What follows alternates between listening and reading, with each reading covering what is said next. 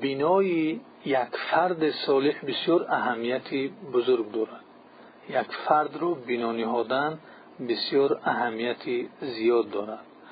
و در مرحله دوم بعد فرد رو بنا کردن یعنی یک آیله شایسته رو بنا کردن این هم داروی اهمیتی خیلی و خیلی بزرگ است. بینای فرد و بینای آیله مسلمان. این بینایی که از افراد عبارت بود از خدیجه رضی الله عنها. یکی از فردی این خانواده بود. و علی ابن ابی طالب و زید ابن حارسه و دختران پیامبر صلی الله علیه وسلم اینها عبارت از فردها بودند. که این فردان صالح چون بنا یافتند یک آیله را به وجود آوردند. یعنی آیله بود که همه آنها یعنی مسلمان شدند. پس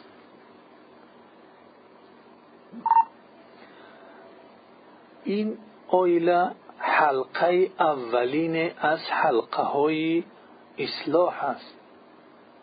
حلقه اصلاح کردن جامعه بشری.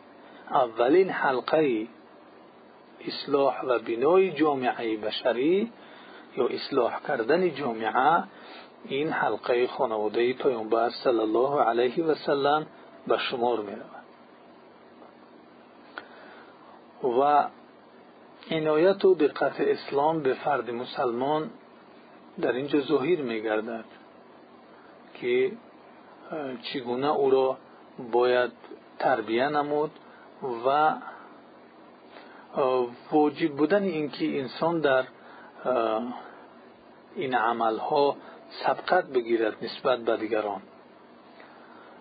زیرا که وقتی انسان انسان مسلمان در این منهج پیامبر صلی الله علیه وسلم از زمره شایسته می شود این همچون یک پایه اساسی برای بینای جامعه هست. زیرا که گفتیم جامعه عبارت از آیله هاست و آیله ها عبارت از افراد هستند. پس سنگ اساسی این جامعه عبارت از فرد است. خب، و این فرد رو باشد اویله هست که از وقت تولد شدنش در مدت حیات طولانیش در برگرفتگی است این اویله اون فرد رو. بلکه حتی این فرد رو در طول حیاتش فرا گرفته و احاطه کردگی است از همه جانبش. خب. از این جهت یعنی شخصیت اون شخص خصوصیت هاش و صفت هاش در این خانواده پیدا می شوند به وایه می رسند در این خانواده یعنی اون نشع و نما می با کدام شخصیت با کدام خصوصیت ها با کدام صفت ها خب همچنانه که این آیله یک میان میانجی است. میانی فرد و میانی جامعه. این فرد رو به جامعه همین آیله تقدیم می‌کنه. خانواده تقدیم می‌کنه. پس وقتی که این میانجی و مسئله وسیط میانه سالم و قوی باشد خب دو طرفش را تقویت میتید هم فرد رو از یک جانب و هم جامعه رو از طرفی دیگر. پس ببینید این چیزی که میان دو عنصر عنصری فرد جامعه میستد این آیله است که در اون آیله این فرد از خردهش بزرگ می شود و اخلاق و رفتار می‌گیرد. چگونه که پیامبر صلی الله علیه و می‌گوید که یعنی هر طفل تولد می شود بر فطرت سالم تولد می شود ولی اون پدر و مادر هستند آیله یعنی. پدر و مادر هستند که رو یهودی می سوزند یا نصرانی یا مجوسی. پس تغییرات در این آیله به وجود می آید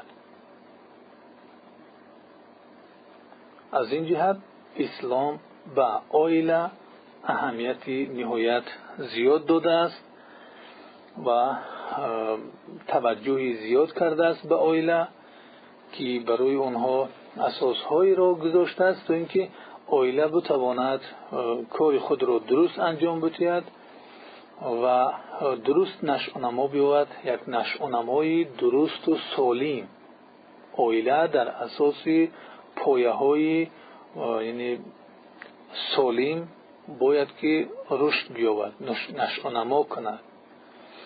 و اویله را اسلام توجیه می‌کند به طرف وجهت ربانی یکی همچون یک اویله خداشناس تا حلقه بسیار مستحکمی باشد در بینای جامعه اسلامی که آن جامعه را که الله سبحانه و تعالی می‌خواهد باید دارای یک مدنیتی بسیار بلند در این دنیای مردم باشد.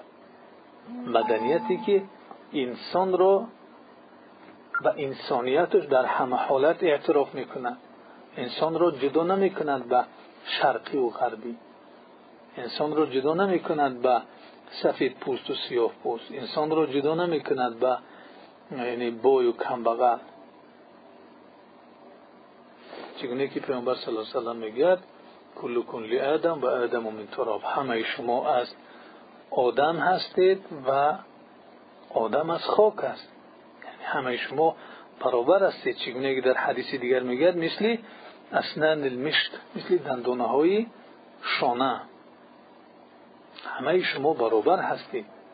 لا فضل لعربین على عجمی ولا لعجمین على عربی الا بالتقوى عربی به عجمی یگان فضیلتی ندارد یا عجمی به عربی یگان فضیلتی ندارد می‌گوید پیامبر صلی الله علیه مگر به تقوا. تقوا چیست؟ تقوا اون چیزی است که سازنده جامعه ها سازنده فرد است سازنده عائله است سازنده جامعه است تقوا این عدل است. تقوا این عدل الهی است. تقوا یعنی نبودن ظلم است. تقوا یعنی نبودن غارتگری است. تقوا یعنی نبودن خیانت است. تقوا یعنی نبودن دروغ و فتنه و رشوه و, و اینها. نبودن زنا نبودن مینوشی و امثال اینها. تقوا این است.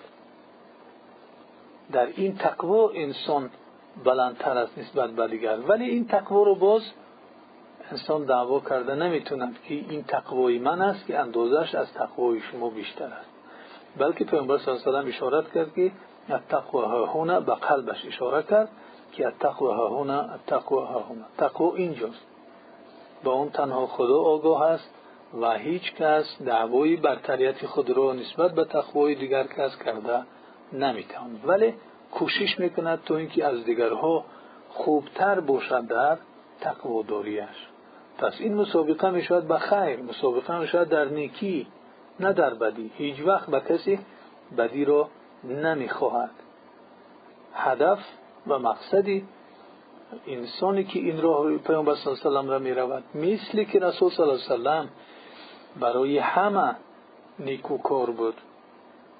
باید مثل پیامبر صلی الله علیه این گونه راه را پی بگیرد و در بینای فرد و در بینای آیله صالح کوشا باشد تو اینکه فردی نمونه و آیله نمونه رو به وجود بیاریم.